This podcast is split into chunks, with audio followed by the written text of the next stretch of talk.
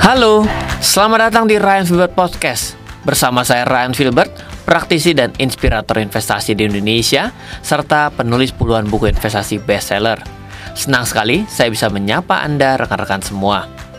Dalam channel podcast ini, mari kita belajar bersama-sama mengenai investasi, keuangan, dan bisnis. Saya akan berbagi update, strategi, maupun hal-hal dasar terkait semua hal tersebut. Bila Anda ingin bertanya kepada saya, Anda bisa WhatsApp saya di 0895 07 08 0789. Sekali lagi saya ulang. 0895 07 08 0789. Silakan Anda add WhatsApp saya sekarang untuk bertanya maupun berdiskusi bersama saya. Selain podcast ini, Anda juga bisa menemui saya di channel YouTube RF Channel. YouTube RF Channel. Semoga selalu bermanfaat. Dari saya Ryan Filbert, salam investasi untuk Indonesia.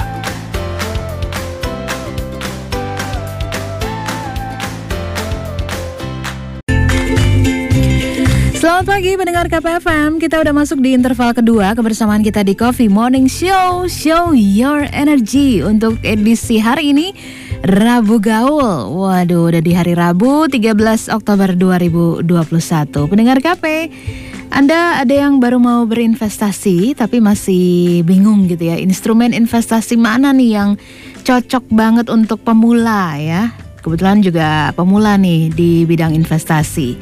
Nah, gini nih saatnya yang tepat untuk uh, kita bisa berinvestasi di ori, ya. Selain mudah dilakukan dan beresiko rendah, ori ini bisa dilakukan dengan modal minim, tapi bisa memberikan kita keuntungan. Pemerintah kembali menawarkan ori seri ke-20 atau ori 2020 kepada individu atau perseorangan warga negara Indonesia WNI melalui mitra distribusi di pasar perdana. Tepatnya di 4 Oktober 2000 eh, 2021 ya, masa penawaran ori 020 020 ini sudah dibuka. Artinya kita bisa sudah melakukan pemesanan, ya.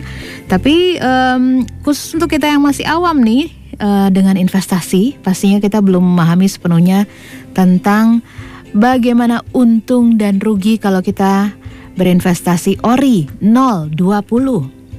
Langsung kita konsultasikan bersama praktisi inspirator investasi Indonesia, juga penulis puluhan buku bestseller nasional. Siapa lagi kalau bukan Mas Ryan Filbert. Selamat pagi, Mas Ryan. Iya. Halo, selamat pagi, Mbak Selamat pagi pada seluruh pendengar KP di mana pun Anda berada. Wah, sehat Mas. Alhamdulillah sehat siap. Sehat ya. Jakarta siap. Oke, okay. uh, eh, cerah hmm. Jakarta? Oh cerah, ini cerahnya panas pol kalau bahas orang Jawa.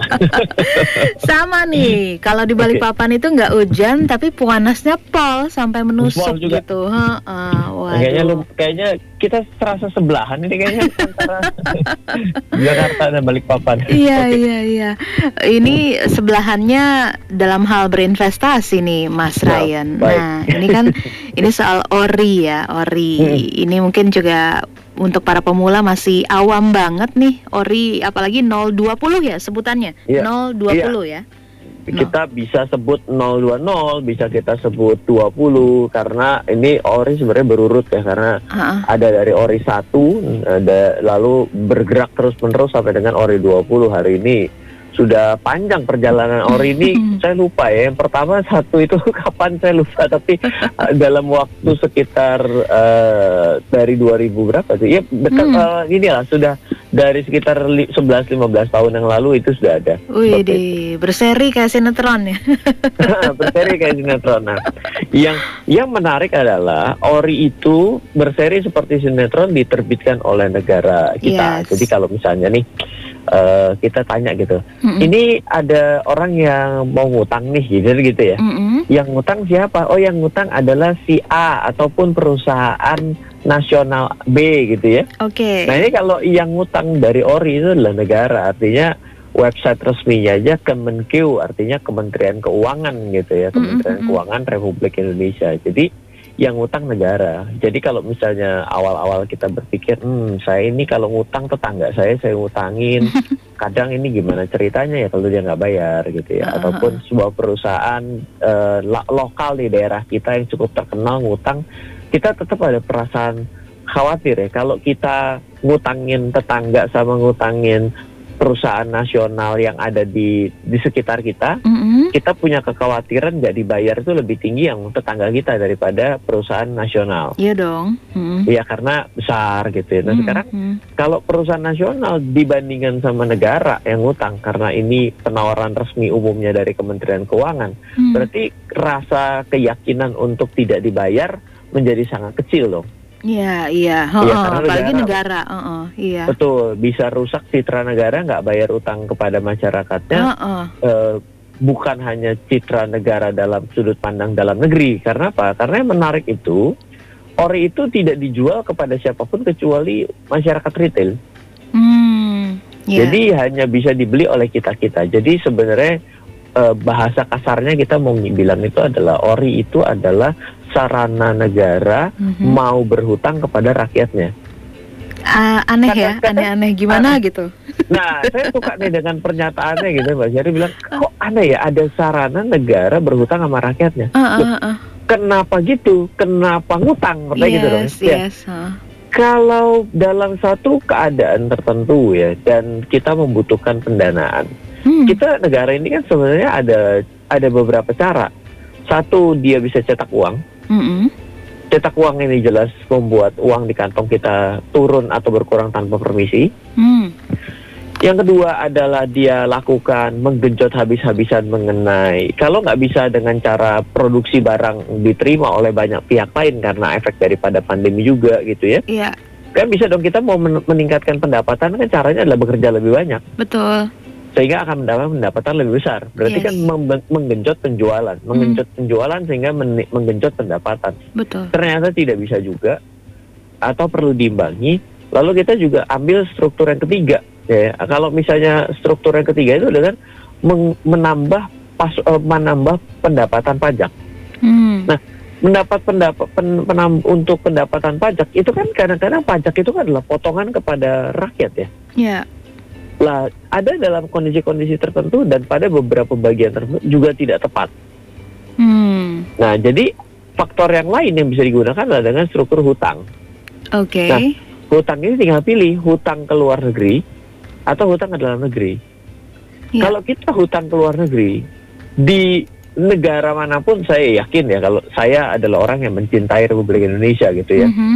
uh, suka dengan landscape Indonesia dengan segala ke- keunggulan kita berada di garis katulistiwa ya kan mm-hmm. ada berupa daerah kepulauan sangat subur-subur daya alamnya kan yeah, gitu ya yeah. bonus demografi pula negara mana pun mau ngutangin Indonesia mm-hmm. ya kan harapannya mm-hmm. malah lebih sadis lagi kalau perlu nggak bisa bayar Nah, kenapa? Nah, kalau nggak bisa dibayar kan bilang mau ditukar apa? Dia bilang, boleh saya tukar Kalima, Pulau Kalimantan bisa aja loh, biar begitu loh. Nah, kalau kita itu ke luar negeri, itu itu sesuatu yang jauh sekali. Tapi yang paling dekat, biasanya ada trade off. Saya utangin, tapi tolong selain bunga, saya minta dong untuk melonggarkan ini. Wah, hmm. itu kan hmm. berarti kayak gitu. Nah, itu trade off yang nggak seru loh buat kita, buat kita sebagai masyarakat. Jadi yeah. sebenarnya kalau berhutang sama masyarakatnya itu enak. Satu negara tetap punya kewibawaan karena mengatur, lalu juga kondisinya lebih terkendali karena dibayarnya tidak dalam bentuk US dollar tapi dalam bentuk rupiah. Mm. Kalau ngutang dalam dolar, yang namanya hutangnya bisa naik loh. Kok bisa? Loh, tiba-tiba kursnya Pak, uh -uh. dolar tiba-tiba tinggi sekali, kita tiba-tiba membayar hutang dalam keadaan yang mahal loh. Iya, iya. Nah, jadi dasarnya hutang-hutang ini sebenarnya adalah hutang yang bagus buat negara. Hmm. Ya. Ada orang, wah Pak, yang namanya hutang nggak bagus lah. Ya, tetap ada prinsip dasarnya. Yeah. Siapa di dunia ini yang tidak berhutang? Saya hmm. tanpa hutang Pak, ah yang bener hutang jangka pendek pasti ada. Coba misalnya gini loh, kita ini baru kita itu gajian setiap minggu. Yeah. Misal gajian setiap minggu. Kita itu hari tanggal bulan terakhir itu ternyata adalah berakhir di hari Kamis. Mm -hmm. Ya berarti kan secara otomatis Senin, Selasa, Rabu, Kamis kita lagi diutangin atau lagi ngutang? Karena kan akan dibayar di hari Jumat yang mana adalah bulan yang baru kan. Iya. Jadi sependek-pendek kayak gitu pasti ada mungkin sekali hutang. Hmm. Emang bayar listrik Anda dibayar setiap detik. Tiap kali Anda pergi ke ATM bayar listrik. Enggak. Iya Ya, kalau yang iya. masih abu demen, berarti kan akhir bulan adalah bayar listriknya berarti ada hutang ya benar nggak? Betul. Jadi ada suatu pemahaman di sekitar kita dan juga nyampe ke telinga saya karena suka bilang adalah, oh, negara itu yang sehat nggak hutang. Ada sebutkan negara mana yang nggak hutang gitu pertama mau ke sana gitu ya? Hmm. Nggak hmm. ada. Nah, jadi sekarang kita bicara mengenai ori. Ori ini menarik karena ori sudah ke-20. Berarti ori ke-1 sampai 19 rekam jejaknya baik-baik saja. Iya, iya, iya. Iya dong. Negara Kalau, gitu kan yang ini kan. pertama orang nggak bisa percaya kata-kata negara. Oke okay lah, tapi saya bilang loh, ori 1 sampai 19 nggak pernah kedengaran rame-rame toh. Iya. Baik-baik saja. Juga, baik-baik saja dan jangan lupa bukan hanya ori yang ditawarkan oleh negara yang bisa dibeli dengan oh, masyarakat secara retail. Uh. Membeli ori itu enak loh, bisa kelipatan satu juta. Oke. Okay. Maksimumnya 3 miliar. Dan oh. ori itu bunganya selalu lebih tinggi dibandingkan suku bunga acuan pada saat itu. Sorry, nggak boleh ngomong bunga di ori, namanya kupon. Oh.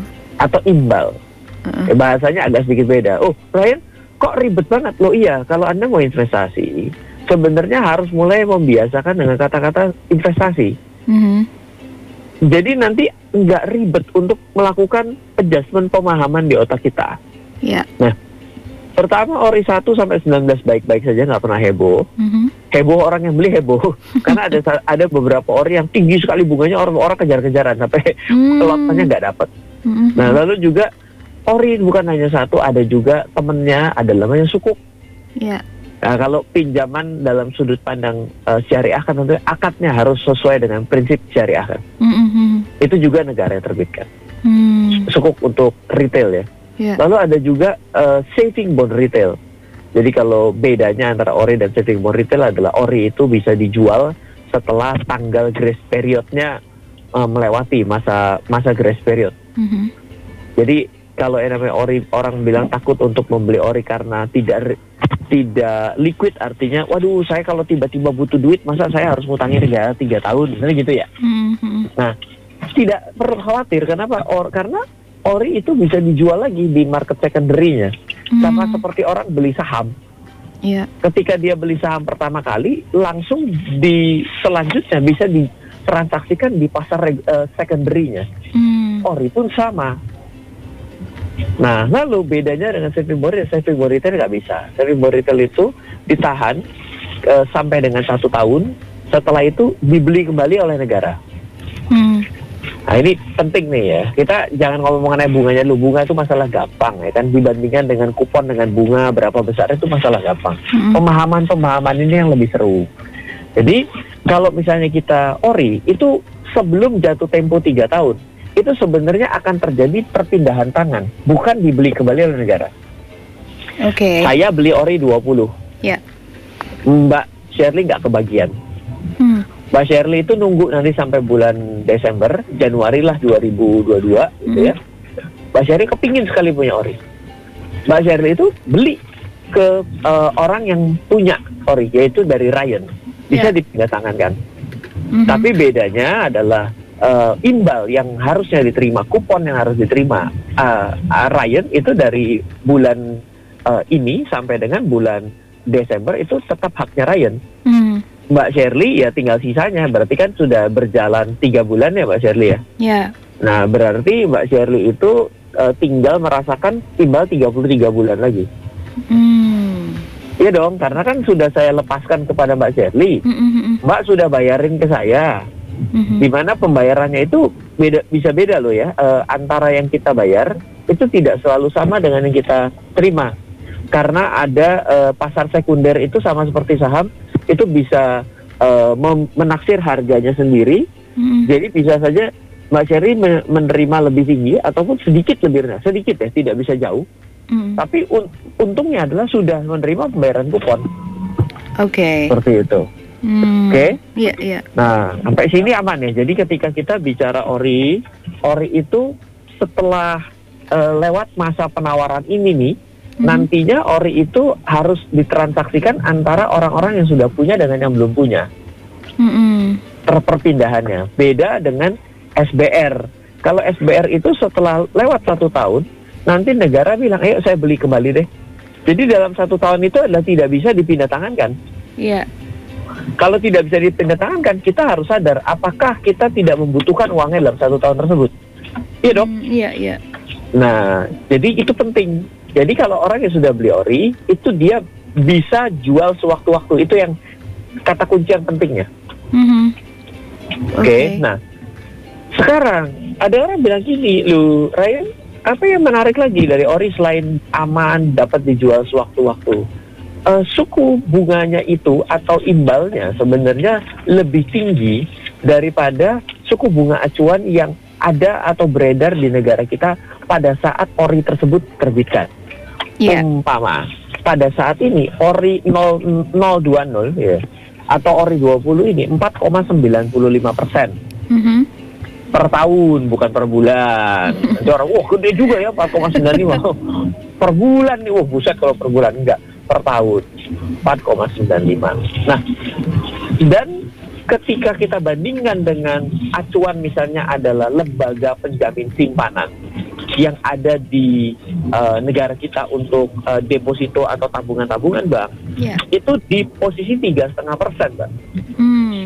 Artinya selisihnya adalah 1,45 loh antara imbal ori versus dengan suku bunga acuan yang dijamin oleh lembaga penjamin simpanan sampai dengan sama-sama 2 miliar, mm-hmm. ori 20 ini agak beda karena tadinya maksimum orang beli 3 miliar, sekarang maksimum orang beli jadi 2 miliar. Mm-hmm. Itu 4,95 versus 3,5. Okay. Dan satu lagi, PPh-nya juga beda. Ori yang 20 ini dapat insentif cuma 10%. Dulunya 15%, sekarang 10% dan dibandingkan dengan PPH pendapatan bunga hmm. yaitu 20 persen. Jadi keunggulan-keunggulannya ori ini terasa ya. Satu adalah negara ya kan dapat dipindah tangankan, hmm. ya kan. Yeah, yeah. Yang ketiga kecil mulainya satu juta. Uh. Belum tentu deposito itu satu juta dikasih bunga full plafon tiga setengah persen. Belum tentu karena bunga-bunga full plafon itu biasanya untuk uh, yang setorannya gede-gede. Hmm ya. Okay. Nah, lalu bunga, suku bunga acuannya dari LPS adalah 3,5 pada saat ORI 20 diterbitkan 4,95 fix sampai selesai. Ini yang penting. Hmm. Jadi mau nanti suku bunga turun lagi lebih jauh lagi, itu andaikan loh, andaikan hmm. itu ori tidak terpengaruh sesuai dengan kesepakatan di awal 4,95 sampai nantinya dikembalikan oleh negara pokoknya. Hmm. Jadi enak nih, ngunci ngunci suku bunganya, ngunci imbalnya. Hmm. Dan selisihnya dengan adanya potongan PPh yang insentif 10% itu jadi menarik loh karena kurang lebih kita akan terima netnya adalah 4,45 kalau nggak salah. Sedangkan kalau kita dengan deposito hmm. tiga koma setengah tiga setengah persen itu net kita itu eh, tiga koma satu tiga koma dua jadi artinya selisihnya semakin lebar dengan suku bunga yang saat ini akibat adanya insentif pajak juga. Hmm. Ya, Seperti ya. itu. Oke, itu keuntungannya. Apakah ori 020 ini ada ruginya, Mas Ryan? Iya, um, susah untuk mencari angle rugi ya, karena pertama negara lagi ngutang pasti dia bisa bikin game plan-nya sendiri.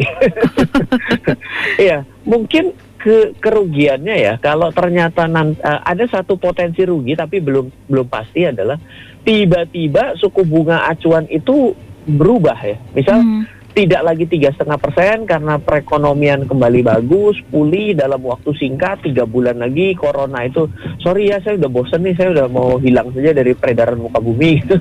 Maka tiba-tiba semua orang keluar, lalu pertumbuhan ekonomi meledak jeder gitu kan, uh-huh. maka terjadi yang namanya pertumbuhan ekonomi, inflasinya naik, maka suku bunga acuan naik, tiba-tiba suku bunga acuan LPS-nya enam persen gitu. Kita uh. jadi uh, jadi ada malah andaikan suku bunga acuan 6% pun itu tetap nggak bisa mengalahkan return dari ori loh. Hmm. Karena oh, kalau 6, 6% maka jadi 4,8. Kalah sih, kalah 0,3. Gini cara hitungnya. Andai kan jadi 6%. Maka eh, yang di LPS 6% itu kan akan terkena PPH 20%. Yeah. Berarti kan 8 kali 6 itu adalah 4,8 persen ya. Mm -hmm.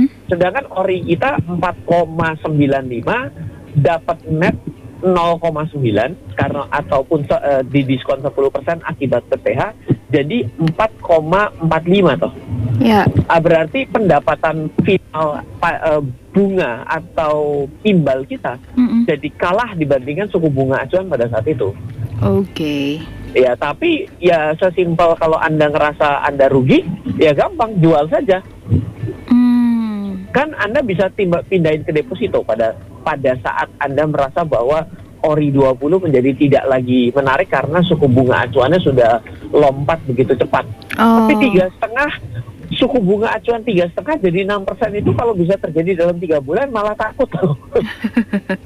karena terlalu cepat itu berarti ada shifting yang mengerikan karena pergerakan kenaikan suku bunga itu tidak bisa kayak begitu. Iya iya.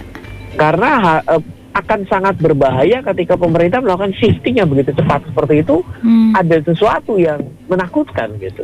Oh, oke. Okay. Tapi itu uh, jarang lah ya, maksudnya. Uh, Bukan uh, jarang, nggak pernah kejadian. Dan jangan sampai ya seperti itu. Nggak pernah kejadian. Kalau kejadian jadi menarik, studinya ke mana? Oh, oke. Okay. gitu. jadi sebetulnya banyak uh, keuntungannya daripada ruginya, Mas Ryan ya. Iya, karena negara yang utang pasti negara bisa bikin aturan yang menarik ya. Contoh sebelum daripada kondisi ORI 20 saja PPH-nya sudah dianakmaskan. Hmm. PPH-nya deposito 20%. PPH-nya ORI 15%. Hari hmm. ini PPH-nya ORI dibikin 10%. Berarti kan selisihnya sudah dua kali lipat dong. Hmm. Dari 10 menjadi 20% ya. Hmm. Yeah. Lalu juga yang menarik ya menurut saya ada kata-kata obligasi retail. Ini adalah cara pertama bila Anda ingin investasi tapi hampir mustahil rugi. Oh. Kan kalau misalnya investasi saham, Anda hmm. takut bahwa saham saham itu bisa rugi. Uh, uh, uh. Kalau investasi emas bisa naik dan turun. Hmm. Kalau investasi ori, Anda tidak tidak bisa melihat skema rugi. Mm-mm. Selama Anda yakin bahwa Republik Indonesia tiga tahun lagi masih ada ya. Sesimpel ya, itu ya Mas ya? Iya betul. Mm-hmm. Anda nggak bisa rugi, kenapa? Ini jamin negara. Okay. Tiga tahun kemudian, andaikan Anda itu uh, perlu uang dijamin dikembalikan sama negara. Nggak mungkin dibawa lari. ya, iya, bagaimana cara bawa negara? Larang negaranya lari, orang negaranya nggak bisa lari, orang duduk tanahnya ada di sini. Iya iya iya. Nah, jadi kalau kita melihat bahwa dengan nilai 4,95 bisa dimulai dengan kata-kata menarik kata kunci ini, starting from satu juta. Uh -uh. Ini bagus. Kenapa? Karena coba kita ini sama-sama pergi ke bank hmm. ya hari ini. Hmm bilang mbak mbak saya mau deposito dong satu juta mm-hmm. nanti coba lihat deh dikasih berapa kontraknya mm. nggak nggak yakin saya tiga setengah persen makin gede banknya makin terkenal banknya bunganya makin dipencet mm. Makanya satu satu juta bisa dibilang gini, sorry ya, kalau deposito satu juta nggak bisa. Pertama bisa begitu. Mm. Yang kedua, begitu kita taruh satu juta, kita bisa masukin deposito, itu dapetnya angka berapa coba? Terus kita bilang, eh kok kamu ini ngasih saya satu juta tidak tiga setengah persen? Ya si mbak konternya bilang, lah kamu ngasihnya terlalu kecil sama saya ya, kamu saya kasih bunga paling minimum. Seperti gitu. Oke, okay. yes, uh, di review lagi mas, apa aja keuntungannya? Ya baik, ori ini aman karena yang terim yang melakukan penjaminan adalah negara. Oke. Okay. Ya, ori ini bukan barang KW ini kayak jualan barang ya. Okay. Tapi tetap ori ini secara imbal, meskipun kalau kita secara umum mengatakan bunga, uh. Uh, karena ini adalah surat utang obligasi. Yeah. Uh, ori ini suku bunganya menarik karena dibandingkan suku bunga acuan pada saat ini 4,95 dibandingkan tiga setengah persen. Hmm. Lalu ori ini menarik karena adanya insentif pajak. Insentif pajaknya itu adalah kalau misalnya PPH eh, pajak penghasilan atas bunga, pendapatan atas bunga itu adalah 20 persen. Hmm. Sedangkan kalau ori itu potong cuma 10 persen. Oke. Okay. Nah, ori ini enak karena selama tiga tahun Anda pasti akan dibayar dengan imbal yang sama. Hmm. Tapi kalau ada deposito, setiap tahun Anda akan kena review. Andai kan Anda deposito tahunan pun, Anda akan kena review. Kalau suku bunganya turun, harus turun loh. Hmm, hmm, Kenapa? Karena akan mengikuti suku bunga acuan yang paling terakhir. Sedangkan selama tiga tahun Anda dikunci dengan ORI 20 ini. Oh, mantap. Lalu, pasti akan dikembaliin. Selama anda yakin tiga tahun lagi negara Indonesia masih ada pasti dikembaliin. Yeah, karena yeah. yang menerbitkan surat utang adalah Kementerian Keuangan dan ini adalah berarti dijamin negara boleh dibilang. Betul. Oke, Ori 20 menarik terakhir. Karena apa? Karena sudah 19 sebelumnya semua aman dan baik-baik saja. Track recordnya aman ya bagus. Yes, betul. Oke, okay, Mas Ryan. Thank you untuk uh, share-nya pagi ini seputar untung rugi beli ori 020. Sukses ya Mas untuk aktivitasnya. Thank you Mas Ayan, selamat pagi, sehat selalu. Itu tadi pendengar KPFM Mas Ryan Filbert, praktisi inspirator investasi Indonesia, juga penulis puluhan buku bestseller nasional. Morning Show, show your energy. 954 KPFM.